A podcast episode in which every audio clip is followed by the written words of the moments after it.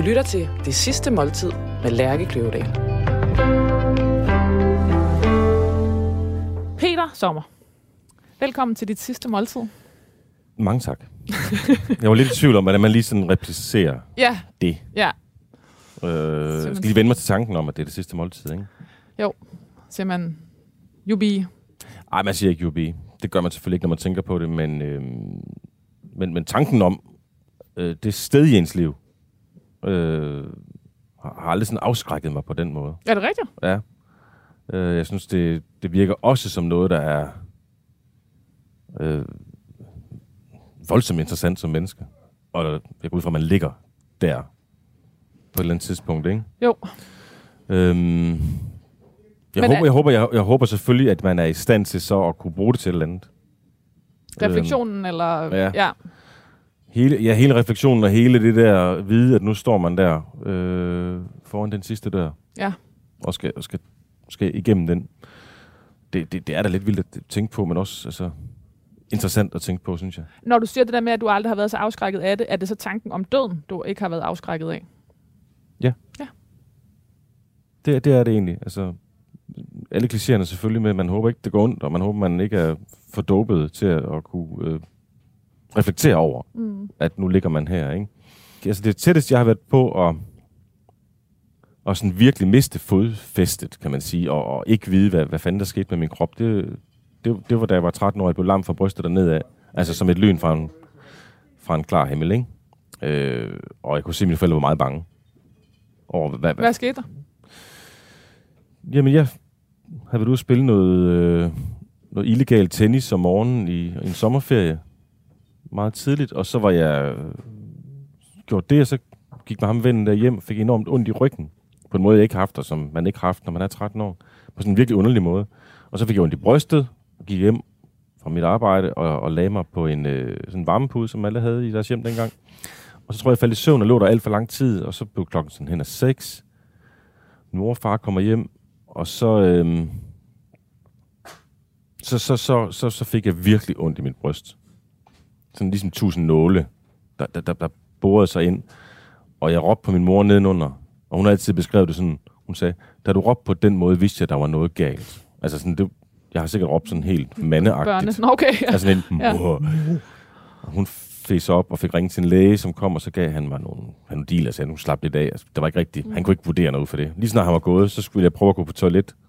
Og så var det som om, at alt fra, mit, fra min brystvorter og ned, det blev bare ligesom om, det var sådan noget spaghetti, der bare blev kogt på et sekund, ikke?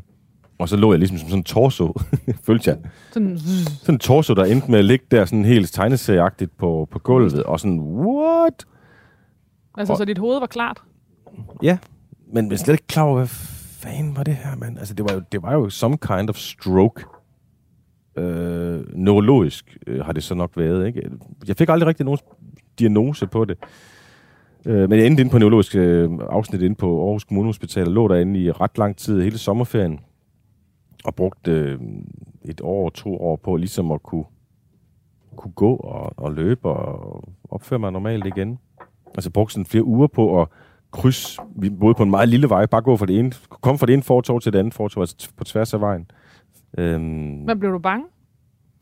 ja, jeg har nok, ja, jeg har nok været lidt bange lige i starten, men det der er blevet min fortælling om det, det kan jeg godt sige, for jeg har, sådan, har jo egentlig fortalt om det før, fordi det er mit livs øh, på, på nogen måde vildeste oplevelse. Ikke? Jamen, jeg følte mig enormt centrum på en eller anden måde, for, for ikke bare min familie, men også sådan lidt længere ud, og det var ikke bare et brækket ben, eller... Nej, og det var også lidt mystisk. Det var lidt mystisk, og det ja. var Og læger Hvad i er der med Peter? 7-8 mennesker på stuegang. Man stod med briller og, og, og kuglepen i lommerne Hvad der. er Og, og jeg blev testet i hjernen og rygmarven. Og... Så, altså, jeg var selvfølgelig ikke tæt på at dø, det, men det, det kunne jeg jo ikke vide på Nej. det tidspunkt. Jeg lå jo med slanger ud og, og ting ind i hjernen. Altså, det var jo alligevel lidt vildt, ikke? Øh, og på en afdeling, altså en neurologisk afdeling, der, der var jo børn, der lå og, og, og døde der, og, og var blevet savet det kvart af hjernen af, for at finde ud af, hvad hjerneblødning og sådan noget, ikke? Altså, det var, det var lidt voldsomt. Man er virkelig i nogle andres hænder. Og, og det var jeg jo så lang tid derinde. Jeg kunne ikke, kunne ikke rengøre mig selv og sådan ting. Jeg kunne ikke komme på WC. Jeg kunne ikke, kunne ikke noget. Jeg lå altså bare der og var sådan en torso, som ingen simpelthen kunne regne ud. Hvad fanden er der sket, ikke? Det var, så, det var det mest underlige ved Og det er stadig et, et mysterie, eller hvad er det nu hedder? Ja, det er det Ja. faktisk. Øh, altså, der var, øh, og det var sådan noget, jeg ikke blev fortalt dengang, men noget min mor og far fortalte mig, at de havde jo selvfølgelig fået at vide, at de, de, de troede, det var sådan noget dissemineret sterose. Øh, men det blev så ligesom afmeldt. Men jeg fik det så at vide nogle år efter, og så i mit sådan lidt, lidt mere voksne liv midt i 20'erne, hvor jeg synes, det har givet mig problemer at have de der virkelig mærkelige ben, der også giver nogle underlige jav, især om natten. Jeg kan ikke sove, og det begyndte at blive sådan lidt, sådan lidt, lidt dårligt for livskvaliteten, eller sådan, det, når man ikke får sovet, ikke? Og så har jeg så ligesom prøvet at sige, øh, få åbnet sagen igen. Og jeg er sådan blevet tjekket i, i hoved og ryth, og så siger de altid, at vi kan ikke finde noget, der er ikke noget. Du ser fuldkommen normal ud. Og alle de ting, vi måler på, fuldkommen normal. Og det har næsten været det værste ved det. Mm. At have ondt, og have mærkelige spjæt, og kollapse, og sådan noget. Og så siger de bare, der er ingenting. Vi kan ikke finde Det noget. bliver også en fantom. Ja. Fantomsygdom, Det har været ikke? mærkeligt. Det er faktisk de, de tidspunkter i mit voksenliv, hvor jeg, hvor jeg sådan, har brugt lidt sammen og været, måtte sidde og græde over for en læge og sådan sige, det kan jo ikke passe for fanden. Jeg har det jo ikke specielt godt, altså. Og I kan ikke, I kan ikke sende mig nogen steder hen. Jeg er blevet kørt gennem alle de rør, I har, som Mærsk har betalt. Hvad, kan vi... Vi kan ikke gøre det vildere. Men det er så ved at være mange år siden, og indtil videre så... Jamen så nu har jeg de kropslige udfordringer, som man har, når man er 47, og man ikke løber maraton hele tiden, ikke? Og hvad, jeg nu, hvad, hvad jeg nu ikke render og laver, ikke? Og fø- har gang i en masse børn og løfter rundt på dem og sådan noget. Ja. Men jeg var ikke, jeg, jeg husker ikke som værende bange. Jeg husker som værende, det lyder kraftigt sindssygt, altså udvalgt. Faktisk. Ja. På en eller anden underlig måde udvalgt. Jeg kan næsten godt høre, hvor sygt det er, men Jonas, Det er en rigtig start. det er en rigtig Ja, start. det er en rigtig start. Sådan. Ja. Det er en Hvad rigtig start. Det, øh, jeg skal gøre det kort så i hvert fald. Øh, du var rimelig specifik i forhold til, hvad det skulle være. Ja, det er Stenbiderår. skønt. ja. Ja. Og øh, det har jo ikke sådan rigtig været sådan den vilde sæson for det. Fordi Nå, hvad er det? Det har været så for dyrt og for lidt, eller hvad? Styrligt dyrt. Nå. Øh, så er der rigtig mange, der har holdt sig langt væk fra det. Men øh, du skal have det. Og det, du har, det er jo en ordentlig røvfuld. Og det er præcis sådan, jeg synes, man skal have det. Jeg, jeg må Hold bare fortolke da. ud fra det, du skriver. Og det er sådan, når, når stenbedovn, så skal der være masser af det. Ja. Altså, det er sådan en lille Men altså i år, at, klat, de, de er jo det- blevet det solgt i ligegyldigt. 50 gram for en formue. Det en der, det er, formue. altså hvad er der Der der? er vel øh, 350 gram der, eller sådan noget? Ja, der er lige, der er lige omkring 300. Så vi skal, vi skal frode. Vi skal mæske, ja. Det er voldsomt, ja. ikke? Ja, lige præcis. Det vidste jeg ikke, at det var så dyrt, da jeg bestilte. Nej, men det, det, det er så fint. Det er så fint. Det plejer det heller ikke at være. Det er altid dyrt i starten, ikke? Men Jo, jo, jo. Jeg, jeg har også været op og købe ved, jeg, ved Amager Fiskehus, har jeg købt de dyre pakker til Ja. mig og min kone. Men Ja. øhm, ja. Sådan der. øhm, Wow. lidt øh, ristet råbrød. Smørristet gerne, og det får du selvfølgelig. Ja, det, var, det, det skulle du have. Ja, jeg har ikke rigtig set det. De steder, jeg har fået det i København, der er det meget tit på sådan nogle boghvede pandekager, eller boghvede Ja. vafler, eller Ja, sådan nogle ja. ting, og det synes jeg er helt forkert. Ja. Øhm, jeg har ikke noget mod hverken boghvede pandekager eller Ja. vafler i meget fransk madlavning, det er jo Ja, sådan, ja. man gør. Men jeg synes faktisk, det der rugbrød sætter det sådan helt rigtigt Det op. giver den noget Ja. krop. Ja, det synes jeg. Ja. Og øh, især hvis det er sådan godt smørristet og ja. Meget, meget. Der, var, der er godt med smør i i hvert fald. Ja. Og øh, uden at sådan afsløre for meget, så, så er der jo sådan lidt en fransk tilgang til, til noget af din menu i hvert fald. Ja. Så jeg tænker, det, det er rigeligt med smør. Og øh, så har jeg valgt bare sådan lidt, lidt klassisk setup med lidt øh, hakket rødløg og lidt, øh, lidt creme fraise. Og så er det jo, det er jo simpelt, men det, men det er godt. Hvis man kunne se det her. Og så skal I have cremant. Jamen, øh, det er det, I får. Tusind Velbekomme. tak. Hvor er det dejligt. Skål. Peter Sommer. Skål, Lærke. Peter, jeg har skrevet nogle øh, overskrifter til dig. Altså jeg vil sige, det har faktisk været sin sag at skrive din nekrolog. Fordi der, for det første er der selvfølgelig skrevet enormt meget om dig. Og så er der også, øh, det er som om, at hver journalist, der har skrevet om dig, har brugt 40% flere ord, end de plejer. Der er et eller andet Nå. med, at fordi du er, fordi folk forholder sig så meget til dine tekster og til dine ord, Ja. så har de selv skulle putte flere ord på. Nå, ja, ja. Det kommer vi måske ind på. Men nu har jeg i hvert fald skrevet dig, jeg har skrevet dig øh, fem nekrologoverskrifter, Hold da. op. som du gerne må forholde dig til, og i sidste Apropos ende fantomet, ikke? Dø fem gange. dø fem gange. Mindst. Mm, Præcis. Øhm, og du må gerne øh, mene noget om dem, og i sidste ende vil, det være, vil, jeg, gerne- vil, vil jeg gerne have, at vi vælger en. Eller måske skriver en, en, en sammen. Ja. Øhm, den første lyder sådan her. Hos Peter Sommer skulle melodierne stå tidligt op, hvis de skulle indhente ordene. Det er en øh, sætning, Kim Skotte har skrevet her i år. Det er rigtigt. Og den taler selvfølgelig til, at du er en fantastisk, øh, jeg får lige vil sige rimsmed, det havde været ondt, en Mm. mm. fantastisk, at, at du, øh, du øh, kan noget med dine ord og dine sange, som få kan. Så den lyder sådan. Hos Peter Sommer skulle melodierne stå tidligt op, hvis de skulle indhente ordene. Ja. Ja. Den næste lyder sådan her. Eller det- vil du, vil du høre dem først? Nej, men lad os bare tage dem Den ned næste efter. sådan her. Udpræget poetisk. Troubadour, sanger og sangskriver Peter Sommer er død. Udpræget poetisk. Ikke så vild med. Den næste lyder, sanger og sangskriver Peter Sommer var nordisk mester i sort. Mm-hmm. Den kommer fra en øh, artikel fra Christi Dagblad, der har kåret øh, din sang Skønne Spildte Kræfter som en øh, i top 100 over Danmarks bedste sang nogensinde. Så hedder den øh, fjerde hedder Danmarks nationalskjald er død. Mm. Og den sidste hedder Ordene fosset ud af Peter Sommer. Og så, så kunne man simpelthen vælge en af dem, mm. og sige, den vil man helst have, hvis det skulle være. Ja. ja det, det, blev, det vil blive den første, mm. Tror jeg. Den der, som du sagde, var skrevet af Kim Skotte fra Politikken. Politikken. Politikken. Hos Peter Sommer skulle melodierne stå tidligt op, hvis de skulle indhente ordene. Ja. Det er fandme også flot skrevet. Det synes jeg virkelig. Ja. Ham, Så, den, ham så vi starter hos Peter, hos Peter Sommer skulle melodierne stå tidligt op, hvis de skulle indhente ordene. Og så vil der stå sanger og sangskriver, sangskriver, troubadour, sanger og sangskriver, Peter Sommer er død. Ja, altså Troubadour vil jeg, vil jeg, vil jeg, vil nok bede om for slet, var sådan, men det på den anden side. Den er ude. Hvis den er ude, så det kunne være fint, men, men jeg, jeg kan heller ikke sådan løbe fra den, fordi det var der, jeg startede. Det var Kim Larsen, Niels Skovsen, øh, Stig Møller, og så faktisk nogle, nogen, som havde meget stor betydning for mig, nogle lokale troubadour-typer, i Carsten Hønsehus og Claus Hansom. Ikke? Altså, det er dem, jeg mødte først i min vej ind i verden med en guitar under armen, ikke? og vi sad der og spillede over for hinanden ved bålet, og Simpelthen. var skæve fulde og sådan Ja, det var sådan helt som en, en Asterix, Asterix historie, ikke? øhm, og, og, og, der kunne jeg bare mærke, at jeg lige pludselig var, kunne være med rundt om det der bål. Hvis jeg også fik gitaren, så kunne jeg også fortælle en lille historie, der som folk grinede lidt af. Det var, I starten var det kun noget, folk grinede af min musik. Det, Var det sådan en udveksling? Altså, man sad med hver sin guitar, og så... det var naturligt, at mm. alle, der kunne spille, de spillede. Altså, og det, var, det, var, det var jo sådan en ny verden for mig. Jeg kommer slet ikke fra en familie, hvor der var, der, blev, der skulle aldrig tændt nogen bål, og der blev sgu aldrig jammet på den måde. Der, der var vi slet ikke. Øhm, men det, så kom jeg ligesom ind i den der verden via, via en ven, der hed Janus. Det var hans far. Det er Janus Hønsehus' far. Carsten Hønsehus. Men Janus, han overtog også efter, efter navnet. Nej, det gør han ikke helt. Jo, Nu har han fået sit eget. Ja, ja, det er det har han. Men det var jo det var, det var, det var derovre i Jylland, der, der er jo nogle steder, man kan, man kan besøge inde i skovene, som ligner sådan et lille, et lille udsnit af Christiania eller sådan noget. Det er ikke så mange, der kender dem. Man skal virkelig også vide, hvordan man kommer derind.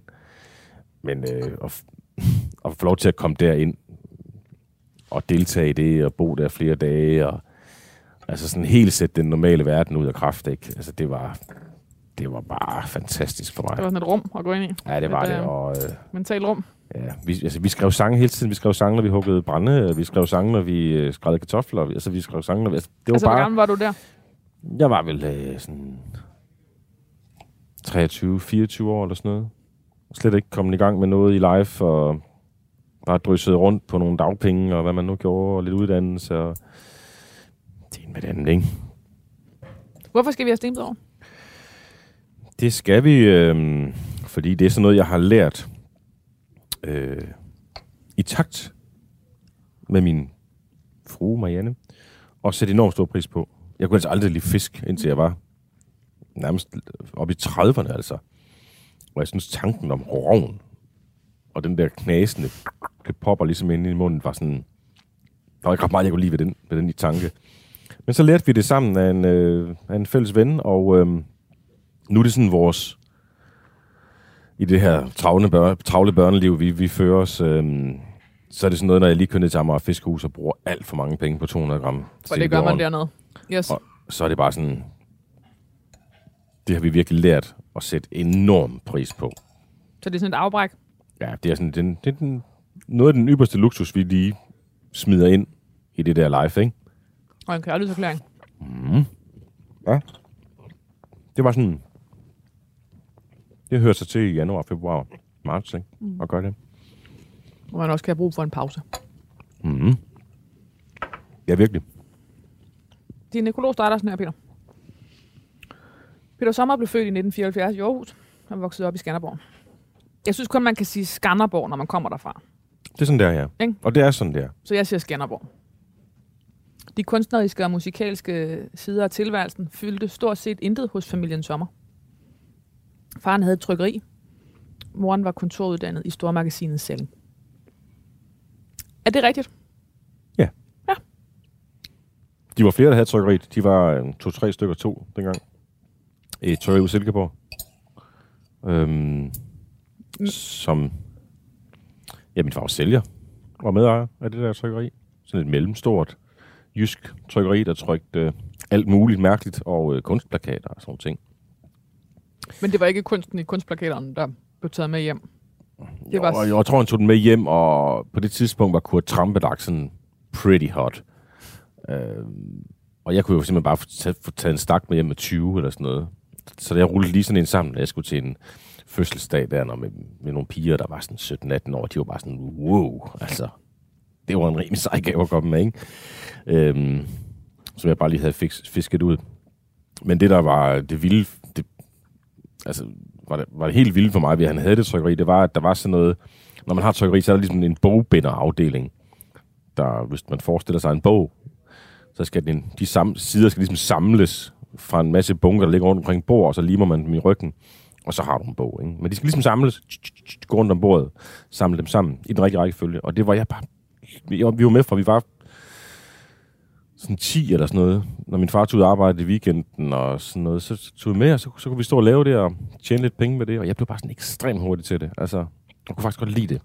Det der manuelle arbejde, bare stå og skulle herover er en bunke, og den skal samles, så det ender med at være en bunke herover, hvor det ligger rigtigt, ikke? Øh, så har man tjent nogle penge, og man stod og hørte noget radio, og spiste noget slik, og indtil jeg var måske 28, 29, 30 år, ikke? Hvis jeg manglede penge, så kunne jeg bare tage ud min fars trykkeri og stille mig ned i kælderen. Og så var der et eller andet lignende arbejde, det der, jeg kunne skovle lige nogle penge sammen, og på den måde øh, udskyde udskyde virkeligheden, det der med at komme i gang med et liv og få en uddannelse og et arbejde, sådan, jeg kunne ikke rigtig komme i gang. Nu kommer der tager de flet. Simpelthen. En ægte tartiflet. Jamen, det er så... Altså, prøv lige at høre. Jeg, havde, jeg kan ikke engang Hold huske, hvornår op. jeg sidst har set det ord. Og så kom Nej. det på din bestilling. Ja. Og jeg havde det fuldstændig på samme måde. Øh, nu har vi været ret mange igennem efterhånden. Ja, mange forskellige og retter. da den kom frem, der tænker jeg, perfekt.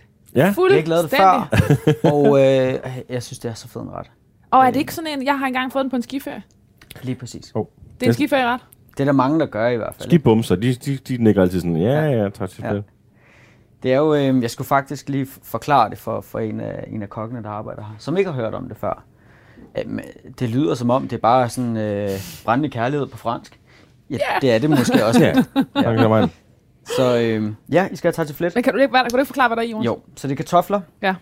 det er bacon, øh, eller spæk, og det er løg, hvidvin, creme fraiche, og så er det ret specifikt. Man bruger en ost, der hedder Revolution, som er sådan en fransk, øh, sådan en albeost, som, øh, ja, den bliver meget sådan flydende, kan man sige.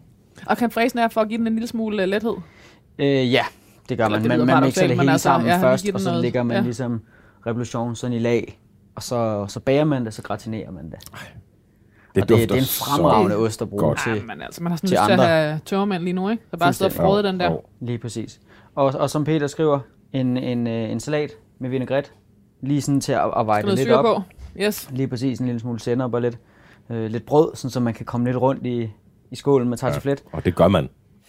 Og, øh, og så hvidvin. Og der stod bare hvidvin i, i din beskrivelse, Peter. Så jeg har taget en, øh, jeg har taget et valg. Du tager en hvidvin, hvidvin. Jeg har taget en hvidvin, Ja. hvidvin. øh, jeg er gået med en Chablis. Mm. Øh, så det har sådan, det har lidt krop og sådan, men det er til den lidt mere friske side, sådan en lille smule tør. Du vil ikke køre øh, Øhm, helt ned på... Øh, Nej, hvis En du kører hvidvin. fuld fed Ja. øh, vin til, så, så er det godt nok en, øh, så er det et hæftigt måltid, vil jeg sige. Så øh, ja, det er simpelthen der det. ser her. det vildt dejligt ud. Ja, det Jeg, jeg tænker, jeg stiller den. Ja. Wow, gør det. altså. Gør det. Tak. Velkommen. Ej, hvor har vi det godt. Hvorfor skal vi... Hvor har vi det godt. Jo. Det, jeg kender kun... Den sætning kender jeg kun fra folk, der kommer fra Jylland. Var det rigtigt? Ja. jeg, jeg, jeg kunne lige Eller den pludselig høre sådan den en... kan også øh, blive, hvad har, der, hvad har vi gjort, at vi skal have det så godt? Præcis. Ja. Jeg kunne lige høre sådan noget Kurt Thorsen Nå, ja. sige det på en eller anden måde. Har vi det ikke godt? Har vi det ikke herligt? Hvorfor skal vi have tartiflet? Det skal vi, fordi at det er... Øhm, hvis det er sidste gang, jeg skal sidde og spise den her, ikke? Mm. I dag, så vil jeg tænke tilbage på, øh, på alle de gange, jeg har siddet med mit orkester, Tiggerne, og spist den her. Vi laver den hver gang, vi er sammen. Okay. Øh, derovre i Jylland, hvor man så ikke lige kan skaffe en revolution hos altid, så bruger man bare en brie til 9 kroner nede fra Rema, ikke? Også okay. Fordi det der samsurium med det her, det, øh, det, det, det er pandfroder for alle, ikke? Det virker bare. Ja, og det er virkelig en game changer, man er færdig bagefter, ikke? Altså, er det efter, I har spillet? Ja, når vi har været, sådan, været i studiet derovre i, øhm, i Skanderborg, så, så, så, så er der altid nogen, der ligesom skal lave tartifletten. Det er sådan helt fast. Og den her salat til, og brød, og sådan en masse hvidvin. Og, og jo flere gange vi har lavet den, jo, det bliver jo ligesom bedre og bedre gang for gang, ikke? Mm. Sidste gang var ikke det, også i forventningen. ja, ja, sidste gang var det bassisten og trommeslageren, Henrik og Søren, der lavede den. Øh, og de har faktisk ikke lavet den før, og de, øh, de trak fuldstændig bukserne her. Det var- De lavede en helt fantastisk udgave af den. Øhm, så Det, det er en bandret, en orkesterret. det var baneretten, ja. Jeg har aldrig fået den på en restaurant før. Jeg har ikke været i øh, Frankrig og fået den på en skidt restaurant. Jeg så den bare i et eller andet blad en gang. Da du skulle lære at lave mad. lave... Ja, eller på vej til en eller anden ting med det der bane, tænkte det skal vi da Så du lige... tænkte bacon, øh, kartofler. Ja, Hvad kan gå galt? jeg tror Mm. faktisk ikke, der kan gå noget galt. Nej, hold kæft med bare. Nu gør du bare. Okay, Peter. Øh, jeg kommer fra... Øh, ja, vi startede, eller vi, vi bevægede os langt derfra, men øh, vi, vi kom fra din, øh, din mor og din far, og det er merkantil. Mm. Øh, så skriver jeg her, eller så, ja, så, står, så skriver jeg her, efter gymnasiet flyttede de fleste af Peter Sommers gymnasievenner ind til Aarhus. Peter Sommer blev tilbage. I Skanderborg tilbragte han mere og mere tid med et øldrikkende og hasrygende slæng. Og jeg ved ikke, hvorfor det har været centralt for øh, journalisten, men jeg kan så næsten måske gætte, at det fordi, at, at det har været en del af den fortælling, der handlede om at, nu siger jeg, gå, gå ud i skoven, altså sådan into the woods, og, lave, øh, og begynde at lave musik for dig. Ja. Jamen, da, da alle de her venner, de tjekkede ud som værende 18-19-20-årige, og skulle ud og rejse og dannelsesrejser og København og Aarhus og det der, der øhm, og jeg var ikke, øh, altså, du ved, jeg var ikke, øh, jeg var ikke sådan tabt bag en vogn eller sådan noget. Jeg var heller ikke sådan, jeg stod ikke bagerst i nogen kø på den måde. Jeg var sådan rimelig godt kørende i de der grupper. Altså, det var ikke sådan, Om ikke andet, havde du altid en trampedak-plakat, du kunne tage med under. Præcis. Jeg kunne ikke rigtig se, hvad jeg skulle det for. Eller sådan, jeg vidste ikke, hvad jeg fanden jeg skulle. Og det var da nok lidt frustrerende øh, på en måde. Men, men så da, da, da mit normale omgangskreds, den, den ligesom var væk, så, så var der jo nogle andre tilbage, øhm, som var blevet hængende i Skanderborg alt for lang tid, mange af dem, men øhm, var noget ældre end mig, sådan 8-10 år ældre. Bo Ark og Nuka og Hippie Hans og Sten Lausdal og Michael Bæk og sådan nogen, der sad nede på den der lokale Café Bohème. Og, øh, og de havde sgu set verden lidt og taget alle stoffer, man kunne tage og prøvet nogle vilde ting og havde læst meget og lyttet meget. Og af en eller anden grund sad jeg lige pludselig ved det bord med dem. Jeg kan ikke huske, hvordan fanden det egentlig skete, jeg lige fik lov til det. For det gjorde man bare ikke. Altså, jeg var en loppe, ikke? Så man ligesom... Mm. Men jeg, fik, jeg fik lov til at rende med dem. Og det var lidt en anden måde at, som sagt, at lytte og snakke og læse og drikke og ryge og sådan noget der på. Øh, Det kunne jo også foregå en mandag formiddag. Men ligesom, så er vi her, frem med kortene, hvem mixer den fede, hvem henter en flaske portvin. Øh, Og det var sådan lidt vildt for mig, altså, at det lignede sgu noget, man gjorde i New York eller Paris. Eller sådan. Det gjorde det egentlig ikke. Det var, det var sådan... Jeg, jeg tror, jeg opfattede det som værende sådan lidt sejt eller modigt, eller... I hvert fald også sådan give slip. Altså det der med, Ja, at give slip på den der... Det gjorde man simpelthen ikke der, hvor jeg kom fra. Hvis min far vidste det dengang, at man gjorde det, så havde han været efter mig. Man, man drak ikke på gaden, man drak kun til fester i weekenderne. Hvilket er meget fornuftigt, og du sikkert sige det samme til min lejr. Men sådan var det altså ikke med de der. Og, øhm, og, og, i- og i, i midten af det sad ham der Bo Ark Rasmussen, og på toppen af det sad ham som den der ham, der kunne... Altså, det var vores Dan Tyrell, det var vores, var vores Charles Bukowski, ikke? Øh, han var virkelig velbelæst, og han havde forstået det, han havde læst. Han kunne udlægge det for os andre. Rejse op og lave en Shakespeare-monolog, rejse op og lave en Storm P-monolog, sådan, mens man sad der, den der mand der formiddag, skæv og på for portvin og øhm, og var sådan hele tiden i gang med sjove ord. Det hele var bare sådan en, en ordleg, som var skæg, underfundig, overraskende. Og jeg blev sådan fuldstændig betaget af ham og den tone, de havde. Øhm, og synes også, det var lidt sjovt det med at prøve at slippe kontrollen og stå der kl. 1 mandag i fucking Skanderborg og være for fuld. Altså, det var virkelig underligt, ikke? Altså, Sådan en portal. ja, ja, egentlig. Mm. Øhm, det åbnede i hvert fald for noget, som kunne blive det der sangskriverrum, ikke? Og de der ord. Øhm, jeg skulle bare lige lære at spille guitar først. altså, for jeg kunne ikke spille på noget. Jeg kunne spille lidt bas, men det... Så jeg lærte... Det var lidt universitet, dybest set, ikke? For mig. Øhm, som, som aldrig kom på det rigtige universitet. Øhm, for jeg kunne ikke tage mig sammen til det. Jeg havde ikke snittet til det. Jeg havde ikke fokus til det. Jeg havde ikke staminaen til det og gennemføre de ting. Synes du, du var træls? Jeg kunne godt blive irriteret på mig selv over, at jeg ikke ligesom... At der var ikke noget, der brændte lidt mere. Uanset hvad jeg sådan prøvede. Jeg var sådan ret god, du ved, men det brændte ikke rigtigt. Og jeg, jeg kunne ligesom ikke føre armene helt igennem med de ting, jeg gjorde. Jeg, jeg tror ikke, jeg var klar over, at jeg gik og ventede på den rigtige øh, vind, den rigtige ild. Og den kom, den kom bare, da jeg havde skrevet den der første sang.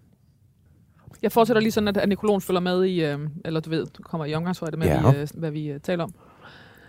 Øh, vi, vi kommer fra i Skanderborg, tilbragte han mere og mere tid med et øldrikkende og hasrygende slæng. Øh, Peter Sommer, det er også vildt, ikke? At hele den fortælling kan, kan øh, du ved, den lyder jo helt anderledes her. Lyder den ikke lige så? Men det var et slæng. Jo, jo, men jeg mener mere. Det lyder som om, det kunne også være sådan starten på en derut. Ja, det kunne det egentlig godt. Ja. Men det var faktisk starten på det modsatte af Ja. altså Ja. vejen. Peter Sommer søgte ind på stort set alle uddannelser ved universitetet, og hver gang fik han afslag på grund af sit lunkne snit. I sidste ende snublede han ind på en toårig uddannelse som mediekoordinator, og efter et år som ledig fik han sågar et scoop af et job på et reklamebureau. På sit lille kontor passede han sine opgaver. En øh, torsdag aften i 1999 i 1999 sad den dengang 25-årige Peter Sommer i sin lejlighed i det nordlige Aarhus med en lånt guitar han havde god tid, for jobbet på byrået var glædet ud af hans liv, ligesom alt andet, han nogensinde havde forsøgt at hælde i sig. Det er en lidt hård sætning. Var det sådan? Alt, øh, ud, altså, Ja, men, ja, men det, nej, jeg tror faktisk stadig, jeg arbejdede lidt på det, eller arbejdede på det bureau, men altså, det var bare lige at overstå de der 37 timer. men det er mere sætningen. Det gled ud af hans liv, ligesom alt andet, han nogensinde havde forsøgt at hælde i sig. Ja, ja, Altså, var det det, din det, det, det, det, det må jeg at det- konstatere øh, i mit liv, er, at jeg har, jeg har ikke så forbandet svært ved at sige farvel til ting.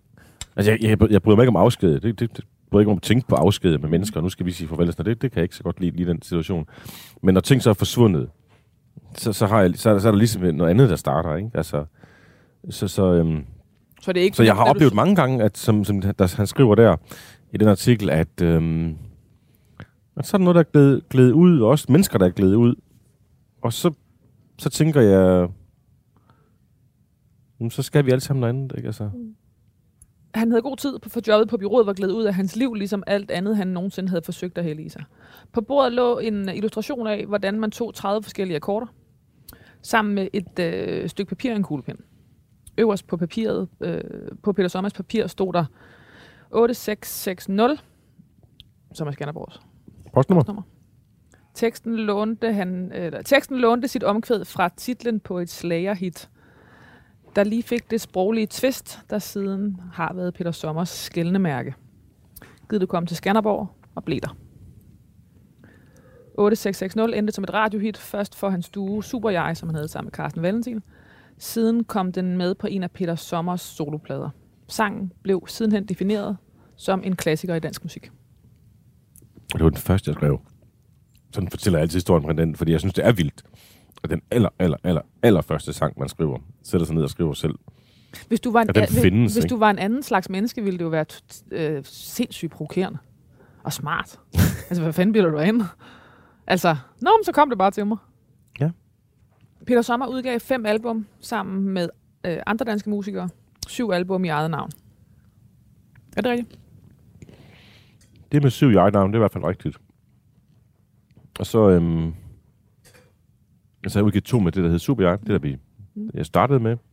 To med de ene til to sammen med Simon Kvam. Mm. Og så ved jeg ikke, om man har talt den med, der hedder PSPHPT, som var sådan en lille opsamling, vi lavede under corona, en palle. Hjort og jeg. Øhm, ja, så det er nok Det, det lyder rimeligt. Ja. Senest de uforelskede i København. Altid, øh, eller siden 2007 sammen med Tiggerne, orkestret, som Peter Sommer spillede og udgav musik sammen med. Det er jo din musikfamilie gået ud fra, eller i hvert fald en del af den. Ja, det er, det er, Ja. det er Go-To Guys siden øh, 2006 eller sådan Okay, noget, syv stykker. syv her, ja. Øh, Peter Sommer var en del af duoen De Eneste To sammen med vennen Simon Kvam, og hittede blandt andet med nummeret Jeg har ikke lyst til at dø i 2010. Jeg er ikke proppet med selvtillid på ret mange planer, sagde han til Ud at se i 2012. Men samarbejdet med Simon Kvam gjorde underværker for Peter Sommers selvtillid, både på det personlige plan og på scenen. Er det rigtigt? Stadigvæk? Det, det er en gammel artikel, den her. Ja, det var en god artikel. Jeg kan sagtens huske Ja. den der fra ud at se. Det var jo stort i sig selv. Ja. Jakob Moll. Ja, for fanden. Det, Dygtig journalist. ja, virkelig. Ja. Og en rigtig god snak der, og også en, en artikel, man husker. Øhm, og det har jeg sagt, det der, og det har jeg sagt, fordi at, øh, at det fungerede så pissegodt, det samarbejde med Simon og jeg der. Øhm, og jeg fik lov til at både gøre det, jeg var bedst til, og han fik lov til at gøre det, han var bedst til. Og det satte vi så ligesom sammen. Og så lærte man jo også lidt om det, man ikke synes, man var så god til. Og jeg tror også, han lærte lidt om det ved mig, han ikke synes, han var så god til.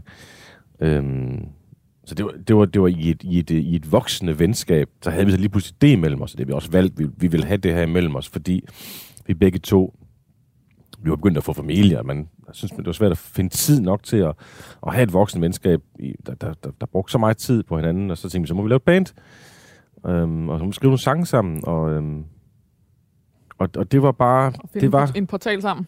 Ja, det var så nemt, og det var så lejende, og det var så let, og det voksede sig så meget større, end vi havde satset på eller troet på. Det var egentlig slet ikke, det var virkelig ikke det, der var tingen med det, men det blev ret hurtigt øh, real money, real job. Og grunden til, at jeg kører rundt i en øh, herlig slidt To- Toyota Previa fra 2006, sikke en bil, men man har en lejlighed og et hus og sådan noget, ikke? Øhm, vi tjente virkelig penge på det der, og vi havde det bare pisse sjovt. Det var så nemt. Og vi, du passer bare din del af butikken, jeg passer min, og så slår vi det sammen. Og han fik mig op øh, via det, og jeg siger han. Det, det gør jeg faktisk, for han var en kæmpe driver i det der. På nogle scener over for nogle mængder af publikum, som jeg aldrig troede, jeg skulle stå over for. Og øhm, jeg fik lov til at designe de der scener og lave en masse indhold til det, og rundt i nogle gummibåd hen over publikum. Og, altså, det blev, alt var bare muligt lige pludselig, virkelig. I en regn af penge kunne alt lade sig gøre. Det var sgu ret sjovt at prøve.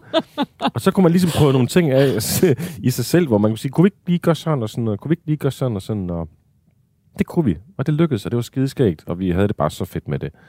Øhm, det er aldrig, det er aldrig blevet træls for os. Det er aldrig blevet et arbejde sådan, åh nej, vi skal hen. Vi skulle, vi skulle også være sammen, når vi gjorde det, ikke? Og nu er det lang tid siden, vi har gjort det. Fordi det taget god fart med alle mulige andre ting, vi laver. Sådan, men jeg håber virkelig, at, at vi finder vores, øh, vores, vores tredje omgang med det der på et eller andet tidspunkt, hvor det lige virker helt rigtigt. Øh, fordi han er en meget, meget nær ven. En af de nok den næreste, jeg har faktisk. Øh, og som og jeg tror, der var egentlig også, det, det, det vender sådan lidt den anden vej rundt, at vi har tilladelse til at sige nogle ting til hinanden, som man, man skal være rigtig gode venner for at, at have tilladelse til at sige. Og, Altså Og så også også- om hinanden, eller hvad? ja, jeg spørger ja. ind til at karakterisere hinanden som Mm. værende, kolon, Mm. bird. Altså, øh, det, er man sådan ligesom optjener os, hina- optjener os ret til, fordi vi har sådan nogle samtaler, og vi har ikke så mange bullshit-samtaler på den måde. Det, det er altid ind til, til noget kerne af, hvem, hvem vi er, og hvordan vi gør, og øh, hvorfor vi altid bliver ved med at lave de samme fejl og sådan noget. Hvad havde det handlet om op til da? Jeg bryder mig ikke om at optræde Nej. øh, ret meget. Stadig ikke? Øh, ikke dengang. Altså, jeg kan godt lide at komme ud med mine venner, og det fandme fedt at sidde i sådan en turbus og få et par øl på vej derhen, og så lige noget mad, og så får man lige en smøg, og åh, så skal man spille. Og så skulle jeg tage ansvar for det der telt i Jelling, ikke? Og få det til at, at indramme stemningen, og sætte stemningen. Og jeg, jeg, jeg, jeg, jeg synes, det var for meget, altså. Hvad skete det var, jeg, jeg, jeg, jeg var slet ikke gennemtænkt nok. Jeg havde jo bare lavet de der sange, og en, et par stykker af dem var blevet et hit, ikke? Og så resten, det var, tænkte man, dem havde folk. Det var, det var min en, tilgang til at gå op på en Så de scene. skulle overstå, indtil man kom til hittet. Ja. Ja. Øh, og det er ikke særlig rart at stå på scenen og, og med, med sådan en selvtillid om, at, at folk dybest set, hver gang jeg... Jeg holdt, jeg holdt kun øje med dem, de mænd, der stod med, med korslagte arme og lignede nogen, der er blevet trukket med hen til af deres kone eller kæreste. Øh, og så holdt jeg meget øje med, når de gik ud. af- Jeg havde fuldstændig styr på, også hvis der var nogen, jeg kendte, der var til koncerten, men når de kom ind, eller når de gik ud, og jeg spurgte dem efter koncerten, hvorfor gik du ud efter fjerde nummer? Eller sådan, "Jamen, jeg skal bare lige ud og hente en øl og sådan noget. Jamen, du, gik, du var derude mere end tre numre, altså det, det var da lang tid at hente en øl. Men jeg skal også lige sige, så mødte jeg nogen, der skulle en cigaret, sådan, nå okay, og Mm. jeg havde enormt meget fokus på det, der foregik i salen, ikke? og på en rigtig uheldig måde. Og enormt lidt fokus på, hvad jeg selv ville med, med det at have den der taletid mellem numrene, og klæde numrene på, og sende dem godt afsted, og synge dem godt, måske prøve at bevæge sig lidt. Jeg stod bare bag en guitar, og skulle sådan hele tiden i gang, have gang i sådan noget med at ryge smøger, mens jeg gjorde det, og sådan noget pisse åndssvagt, altså for alt, ikke? Jeg synes åbenbart, det var sejt, ikke? Og trygt, eller... og drak to, tre, fire øl gennem en koncert. Hvor står min øl? Og der var ikke en fyldt øl, der skulle stå og sige til en eller anden. Hvorfor var der ikke nogen øl der? Og sådan, bullshit, altså. Bare fordi, at man ikke synes, det var særlig rart. Når man så kom ned fra scenen igen, fandens kal, så er det overstået. Så skal vi have bajer. Fedt hjem i bussen, og hvad med at hoppe i at bade der, og flere bajer. Og sådan, sådan, brugt bare så mange år på at, at, at misbruge den der lille gave, man synes, man havde fået givet sig selv, eller trukket ned for universet, eller hvad fanden det var, ikke? Nå, så stod man der med Simon. Og der Men kommer der, var, for der, men der var jo heller ikke nogen, der havde lært dig det. Nej, og nej. Altså, Jeg prøvede, jeg prøvede lidt at gøre ligesom nogen fra Oasis, eller sådan noget, ja. hvilket var sådan helt fejlkastet i forhold til, at jeg stod med en guitar og sang, sang på flade fødder, ikke? Altså, øh... Nej, men jeg, det, det, jeg, jeg tænker egentlig, det, det var en fin nok periode, men den del af det, det jeg synes bare, jeg har spildt så mange, så mange publikums øh, tid med, med at stå der og træde sig selv over tæerne og ryge smøger og snakke. sy- øh, synes du, du var smart, eller en fanskal, eller for lidt, eller for meget, eller... Ej, jeg tror ikke, jeg synes, jeg var smart, altså. Jeg tror, jeg synes, jeg bare skulle have det overstået til et otte-tal, please. Fint nok. Og, Men sådan er det jo bare ikke med sådan noget. Det skal, det skal jo skal gå efter magien hver eneste gang, ikke? Var det i sådan uh, trygheden og anerkendelsen, at du lærte det? Uh, eller der skete noget i dit liv, da du mødte uh, Simon Kvam der? Eller, eller var det også sådan helt konkrete ting? Jeg tror, det var oplevelsen af med ham at gå op på scenen og ikke have den alene. Ja. Åh, mand. Kunne stå og nyde det. Bare stå og spille guitar, mens han... Og han er rigtig god til det. Og han er rigtig god til at sige det på en måde, så folk og hele fucking salen ned til allerbærste række forstår det. Bare det at stå og betragte det og lure lidt. Hvordan gør han, og hvordan fortæller han historien? Hvordan øhm, serverer han pointen? For det var altid det var mit problem. Jeg, jeg, jeg, jeg kunne jeg kunne finde på lige så gode historier som Simon. Jeg fødte ham, jeg, fød, jeg, jeg gav ham også mange. Jeg sagde, kan du ikke, det er bedre, at du siger dem. Hvis jeg, det, er, det er sjovt at sige det her, det her sted. Men jeg kommer til, til, til, til, til at sige pointen først. Jeg er også enormt dårlig til at fortælle vittigheder og sådan noget. Jeg kommer til at starte med, eller... Øh, øh, øh, jeg kan ikke huske sådan noget. Jeg er dårlig. Øh, han var bare så god til det, men så også få den der pause, mens han stod og gjorde det, og se det virke. Og så havde man aftalt nogle ting, jeg skulle sige, og dem nu spillede vi så mange jobs, og der var så mange mennesker, det var så seriøst, at man ligesom også godt lige kunne tage sig sammen og, og få nogle ting til at køre, og, og begynde at finde sig selv lidt på scenen. Ikke? Kunne bevæge sig lidt rundt. Ikke være låst af mikrofonen hele tiden, fordi man ikke skulle synge hele tiden også. Ikke? At, at man ikke havde hele opmærksomheden hele tiden på sig. Det kunne jeg bare mærke. Der var det rart at stå på scenen. Der var det virkelig sjovt. Så skriver jeg her, og den står egentlig sådan uh, lidt uh, alene. Der står, uh, den kommer i forlængelse af det her med, med selvtilliden, men at Peter Sommer var karrieren igennem usikker på sin egen stemme. Det Ja. går igen i rigtig mange interviews med dig. Ja. Ja, altså det... Øh, jeg kan ikke engang rigtig finde ud af, om det er noget... Om det er noget følelsesmæssigt, eller egentlig noget rationelt, der gør, at... Øh, fordi at jeg ved, at jeg ikke har øvet mig de første 20 år af mit liv. Jeg, jeg, kunne ikke, jeg mig ikke om at synge, og synge højt, eller stille mig frem, eller stille mig op, eller, eller noget som helst. Øh, så, det, så, det, så det er fremmed for en lige pludselig. En stemme er fremmed for en, når man synger. Øh, og Så, først, så det var ordene, altså det var øh, ordene og rimene og sætningerne og konst- ordkonstruktionerne, som du startede med, men det var aldrig sangen. Nej. Og, nej, det var ikke sangen, det var ikke melodien. Altså, det var sådan... Det har nok været sådan det, man kalder værste fødder. Jeg har Ja. godt, ligesom haft en evne til at, ligesom at få det til sådan at swinge lidt, eller sådan noget, i, i versefødderne, men uh, melodien har jeg ikke været sådan sikker på, hvad er melodien, og hvad er... Det var også ham, der Kim Scott, der vi var inde på. Det der med melodien er altid sådan lidt... Det er jeg ikke lige så sikker på. Jeg, jeg er ikke, jeg er ikke, det, det ligger ikke Læser du det sådan? Ja, det gør jeg egentlig. At han var god til ord, men melodierne var ikke så stærke. Og, og det, øh, det kan jeg sgu egentlig... Det, det, Jeg det, tager det, den lige igen. Hos Peter Sommer skulle melodierne stå tidligt op, hvis de skulle indhente ordene. Det er sjovt, du hører det sådan. Fordi sådan som jeg Nå. læser det, det troede jeg var helt øh, sådan, man hørte det faktisk. Øh, jamen, det handler jo om, at ordene er så suveræne. Så derfor så kan hvilken, hvilken som helst melodi kommer til at, øh, Nå, ja. at halte efter, eller ikke halte, men skulle skynde sig efter. Skulle, skulle øh, være, altså, ja, det er selvfølgelig rigtigt nok. Kan gøre sig umage for at følge med. Men min egen øh, fortælling, øh, som jeg egentlig også troede, det var det, han havde identificeret øh, som, som en, en generel ting, det var det er egentlig det der med, at, at jeg synes ikke, jeg er så melodistærk. Og har aldrig været det sådan. Øhm, men jeg kan lave, jeg kan lave nogle, nogle specielle ting i ordene, som, som gør, at, at, at, at, at melodierne så kan virke øh, også lidt specielt faktisk, men det er ordene, der ligesom gør det af nogle, nogle, nogle måde, man afviger fra systemet. Man laver sådan en overraskelse. Ordene gør noget, man ikke lige har regnet med og sådan noget. Øhm, jeg har stadigvæk sådan noget med mol og dur, og er den, stemmer den nu, eller stemmer den ikke nu? Jeg kan ikke rigtig høre det. Det er som om, det, det ja, det, øh, jeg kigger på nogen, ikke? og ser på, om der kommer, nu er vi på, i podcast her, men hvis der kommer sådan små krusninger omkring deres øjne, så er det fordi, det ikke er godt. Ikke? Øh, siger man, når man ligesom kan høre en, der synger øh, falskt. Øh, Det er jo ikke så rart at, at skulle stå der og være i tvivl om, om det egentlig er øh, in tune. Men er det sådan en samme fornemmelse af det der, som, som øh, du ved, følelsesløshed i benene? Altså er det simpelthen en fornemmelse af, at der er- er noget, du ikke... Ja, Altså, der er ligesom en, øh, en, en gråzone, eller plet noget, eller noget et, på øh, ruden, der ikke lige er blevet tørret, Ja. ja. fingre, der ikke er tørret af, der, der blokerer for, for udsyn. Der, øhm, jeg, jeg kan simpelthen ikke høre det. Øh, ret godt. Jeg, jeg, jeg er heller ikke så god til at vurdere min egen stemme. Er den, siger den, er den sej nu, eller sådan noget? Altså, jeg, jeg har virkelig brug for, for nogen omkring mig.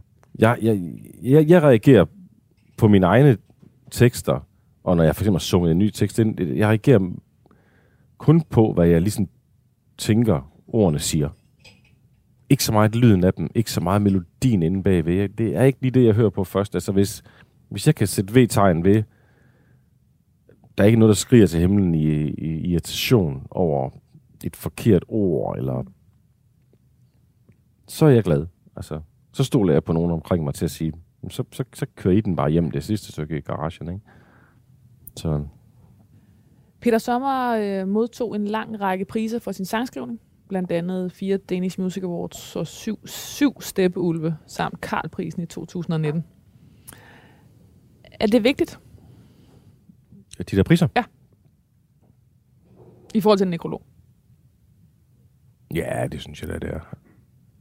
Vi har vundet mange, Mm. faktisk. Overraskende mange, også for os selv. Og jeg siger for os, fordi vi, du, som du kan høre, så er vi, vi er hele tiden flere om det. Men også overraskende for mig selv, at det endte med at være sådan en, der kunne tage priser hjem, ikke? Ja. Og vi... Øh, vi behøver ikke være flove over de tekster, jeg laver. Altså, det, det, det er jeg heller ikke. Jeg er nu taler jeg lidt om selvtillid på mange forskellige planer, og nogle steder, hvor det ikke var så meget. Men lige hvad angår de der ord og vurdere dem, og hvordan jeg får lagt op, så er jeg meget sikker på, hvad jeg gør.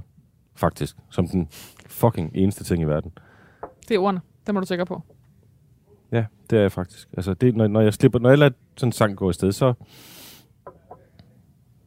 så, så, så kan de bare komme. Altså, Ja. ja. egentlig. Det er en Så har, jeg, så har jeg vurderet, hvad vi her har for Anders. Det er lidt desserttid.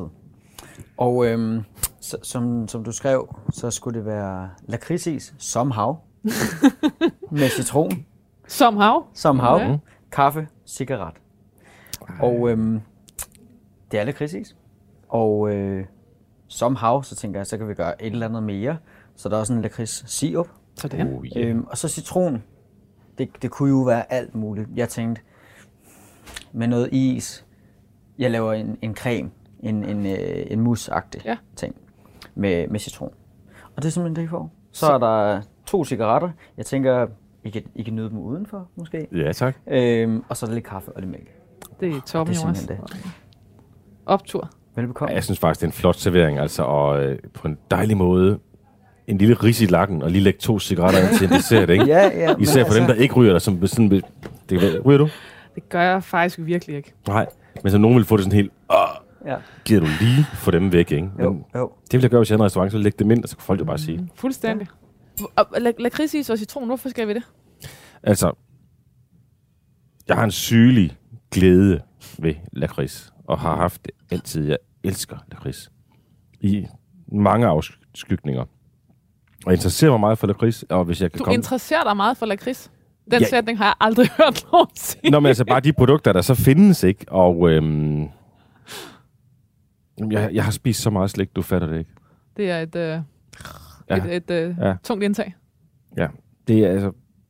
Jamen, det er, jo, det, er, det er jo så usundt, som det kan være, og alt det der, men... Øhm, hvis jeg finder ligesom et nyt produkt, produkt, der kommer på markedet, eller man finder et sted, hvor de har noget italiensk lakrids, eller amerikansk lakrids, så man... Ja, det er så... Okay, det er nærmest en hobby. Ja, en hobby. Ja, faktisk. Og det, jeg så godt kan lide ved, og, og vi har citronen under, øh, det er, at øh, når jeg så går og æder alt det der slik, så det med at ligesom kombinere produkter. Mm-hmm. Skolekridt, som jo er sådan lidt mere en drogy, Det er jo et genialt produkt. det er et genialt produkt. Øhm, og det kan fungere underligt nok sammen med eukalyptus fra Haribo. Underligt. Men det bliver sådan meget mentolagtigt. Øhm, ting. Og mentol citrus ting sammen med lakrids har det bare vildt godt. Så du, altså, jamen altså slik har bare, jeg har, jeg har også øh, haft en stor karriere som butikstyv, da jeg var en lille dreng, indtil jeg gik i 3. klasse, og jeg, jeg kunne bare ikke få nok af slik. Men så bliver man jo også nødt til at stjæle. Mm-hmm. Ja, ja. Som voksen mand er det jo ikke... Altså, det er jo også pinligt at indrømme, at man som voksen mand ikke kan, ikke kan slippe det. Men jeg vil hellere, hvis jeg kunne... Hvis hvis jeg skulle smide en, en ting nu, altså jeg vil hellere smide det søde. Det, det, det er mere pinligt for mig, egentlig, at jeg ikke kan smide alt det søde. Egentlig. Du, du, du vil synes, det var okay at blive ved med at være ryger for evigt på en eller anden måde, sådan på coolhedsfaktoren, men at ikke at kunne slippe slikket. Ja, ja, ja, det synes jeg. Det synes jeg, det er åndssvagt. Peter Sommers lyrik handlede om at være menneske. Om kærlighed, om tvivl, begær, sorg, misbrug, selvbedrag og andre mørke kræfter, som skimtedes bag hans umiddelbart lette leg med ordene. Han brugte sine originale rim til at sige noget væsentligt om danskernes hverdag i netop dette tredje årtusind.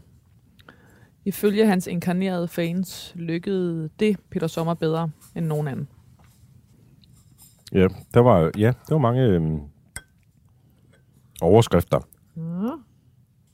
at du, altså, du har jo en, øh, du har en ydmyghed omkring, hvordan øh, du sælger dig selv. Altså, øh, øh, og som jo er ekstremt sympatisk.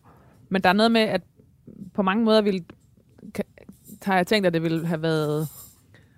Det er vildt, at det netop er dig, der er endt med at optræde med dit navn. Det er Ja. Peter Sommer og. Jeg ved, jeg ved, at dit orkester hedder Tiggerne, og jeg ved på den måde, at, at du er altid ekstremt øh, tydelig omkring, hvem der er omkring dig. Og, altså, jeg oplever ikke, at du er en, der løber med, med, med, med rosen selv, i de ting, jeg læser om dig. Øhm, men forstår du, hvad jeg mener med paradokset? Er det, Ja, ja, ja. Altså, havde, havde det givet mening, du, du, du havde heddet The you- Whatever Ja, ja, Bands? ja, ja. Altså, Det er nok mange, på mange måder har det også været, øh, har det måske meget været fint nok. Jeg ved ikke, hvor meget det ændret for mig selv egentlig. Så hjemme vi også tænker, vi, vi, vi tænker sgu aldrig over, at jeg er lidt kendt, eller sådan noget. Se, se kend, kendis, eller hvad sådan noget hedder, ikke? Det fylder ikke noget i vores liv. Det fylder ikke noget, vi går ud af døren. Jeg er heller ikke typen, men folk stopper op og siger ting til. Det er det ikke. Og jeg, jeg opdager i hvert fald ikke, hvis der er nogen, der vender sig om efter sådan en. Så bare jeg tænker, de opdager det ikke. Jeg glider lige igennem. Hmm. Så jeg, nej, jeg er ikke det, man tænker på som værende øh, stort forsanger potentiale, og har egentlig aldrig været det.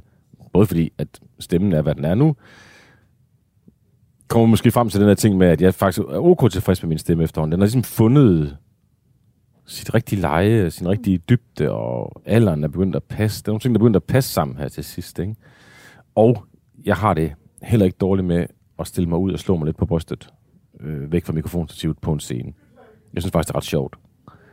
Ifølge Peter Sommer forløb hans karriere baglands. Siden han bragede igennem hittet Valby Bakke, hvor man ikke skulle tale, bare snakke, Ja. blev hans fanskare mindre og mindre. Ja. Er det rigtigt? Ja. altså, hvis man måler i, i salgstal og så videre, så, øhm, ja, så, så, så, så, så øh, med Valby Bakke og den plade, der den hed på den anden side af Peter Sommer, den, den solgte sgu ret godt, og også øh, efter det tiden til sådan noget, og det spillede voldsomt, og vi, der, der kom faktisk også mange folk ud og så det og sådan noget, øhm, og vendte aldrig tilbage. Så gik det egentlig salgsmæssigt øh, stødt ned ad bakke, øhm, altså, man skal også ligesom huske at fortælle, at der er selvfølgelig kommet noget, der hedder streaming i mellemtiden, så det ser også sådan ud. Men, øh, men, så- altså, den her, hele den her sætning siger man jo kun, fordi det går rigtig godt, ikke? Altså, det er jo ikke... jo, det, er jo, jo, jo, altså, det- vi, vi har, altså, Det er jo ikke historien om en fiasko. nej, det, men det, det, men, men, øh, men, men, men du ved, sådan indkomst-wise har det stort set været det samme, jeg har tjent hver eneste år. Altså det, det er dobbelt op på en folkeskolelærerløn, that's it. Øh, Og det er det, vi går efter, og det er det, vi aldrig tjent mere, og det er fint. Altså det er jo, det er jo en god løn til det, vi laver, og med al den frihed og fleksibilitet indbygget. Hurra da da. Så godt. Øhm, Det har du stadig øje med, hvem der går ud og under numrene? Nej, ikke så meget mere, men, men jeg har sådan et øje på, på lyset hen i hjørnet, hvor døren er. Ikke? Altså det, det, det har jeg sådan lidt, det ligger lidt i mig. Øhm, men nej, jeg, jeg, jeg- jeg, jeg holder det lidt op ved mig selv. Ikke? Det er jo ligesom det, der, der er sket, ikke? og som er finden ved det. Gør, gør det, du kan, og brænd stærkt for fanden, når du står der. Ikke? Altså, det er det. Så må de, så må de, øhm, så må de mennesker dernede skulle selv tage ansvar for, at de har lyst billet til det her. Og nu gør han sådan og sådan og sådan, og han spiller de numre, han lige præcis har lyst til. Jeg gør fuldstændig, hvad jeg har lyst til, og har det helt afklaret med, hvis nogen synger, står ude bagved og ryger øh, efter koncerten og, og står udenfor og ryger og siger, hvorfor fanden spillede han ikke Valby Bakke og Skanderborg sangen, og hvorfor var det så, øh, hvorfor var det så sørgeligt eller sådan noget. Men Sådan, fordi sådan er det. Altså det, det, det, det, det, det får mig, mig til at ryste på hånden. Har du Virkelig. sat dig selv fri i det, på en eller anden måde? Jamen, det er bare en eller anden... Øh, ja, ja, ja, det har jeg vel egentlig. Jeg har accepteret, at så bliver det bedst. Peter Sommer efterlader sin kone Marianne Værge og parets fem fælles og sammenbragte børn. Æret være hans minde. Peter, hvad mangler vi øh, i dit eftermæl? Ja. Det er, det er, det er jo lidt vildt. Altså, jeg, har, jeg, jeg læser mange nekrologer, når de er i avisen, ikke? Så selvom jeg, jeg startede med at sige, at jeg ikke jeg er ikke bange for situationen, altså at skulle ligge der, så, så er det jo ikke noget, jeg sådan ønsker skal ske alt for hurtigt. Men øhm, at, øh, at, at det, det, det, jeg tilstræber, og tror, jeg, jeg vil tilstræbe resten af mit liv, det er jo egentlig at, at blive, blive blødere indeni og hårdere udenpå.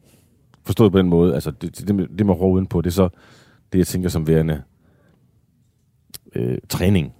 Altså, altså, Altså helt fysisk. fysisk og, og, og få, øhm, få taget sig sammen. Det vil være meget, meget stort for mig at kunne, kunne, øhm, kunne kontinuerligt blive sådan en, alle andre synes er træls, fordi han siger, at jeg tager fire gange om ugen ud og cykler 30 km, og så tager jeg nogle armbøjninger, og så dyrker jeg noget yoga. Og, og, jeg, og det er det, der gør mig glad, for eksempel. Ikke? Det er det, der gør, at jeg kan holde mig selv ud. Hvis jeg kunne sige det, eller hvis det ikke kunne komme med, at han, at han, han tog en...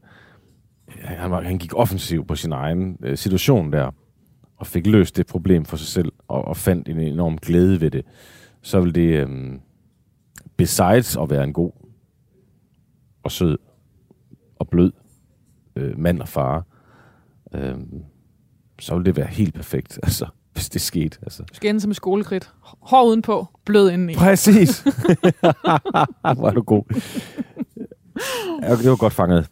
Det er virkelig godt fanget. Peter Sommer, hvad skal der stå på din øh, gravsten?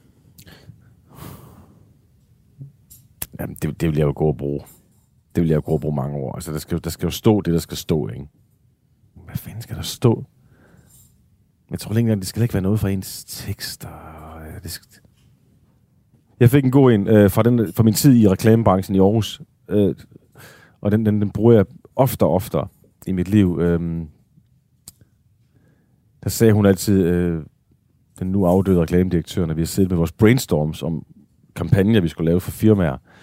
Så sagde hun, ja, når, I har prøvet alt, når man har prøvet alt, så kan man også prøve sandheden. Bare sig sandheden omkring, hvad det er, I vil sige med det her produkt. Øhm, og og sådan, sådan burde den her brainstorm omkring min gravskrift mm. også ende i et eller andet. Hvad er sandheden om den her type, som, som søger nedad, men også som har en korkkrops øh, effekt i sig. Peter Sommer, tusind tak, fordi du vil være min gæst i det sidste måltid. Det er virkelig mig, der på alle måder med hoved og hele min, i hvert fald Mavesæk. mavesæk, siger mange, mange tak for mad. Du har lyttet til det sidste måltid på Radio 4. Nekrologen er skrevet på baggrund af en række artikler, især fra Ud at se i 2012 af Jakob Bergmann Moll, men også fra Heartbeats 2022, Kristi Dagblad 2022, Information 2022 og fra Sound Venue og GAFA. Husk, at du kan downloade Radio 4's app, og der kan du finde alle det sidste måltids programmer. Tak, fordi du lyttede med. Du har lyttet til en podcast fra Radio 4. Flere episoder i vores app, eller der, hvor du lytter til podcast. Radio 4 taler med Danmark.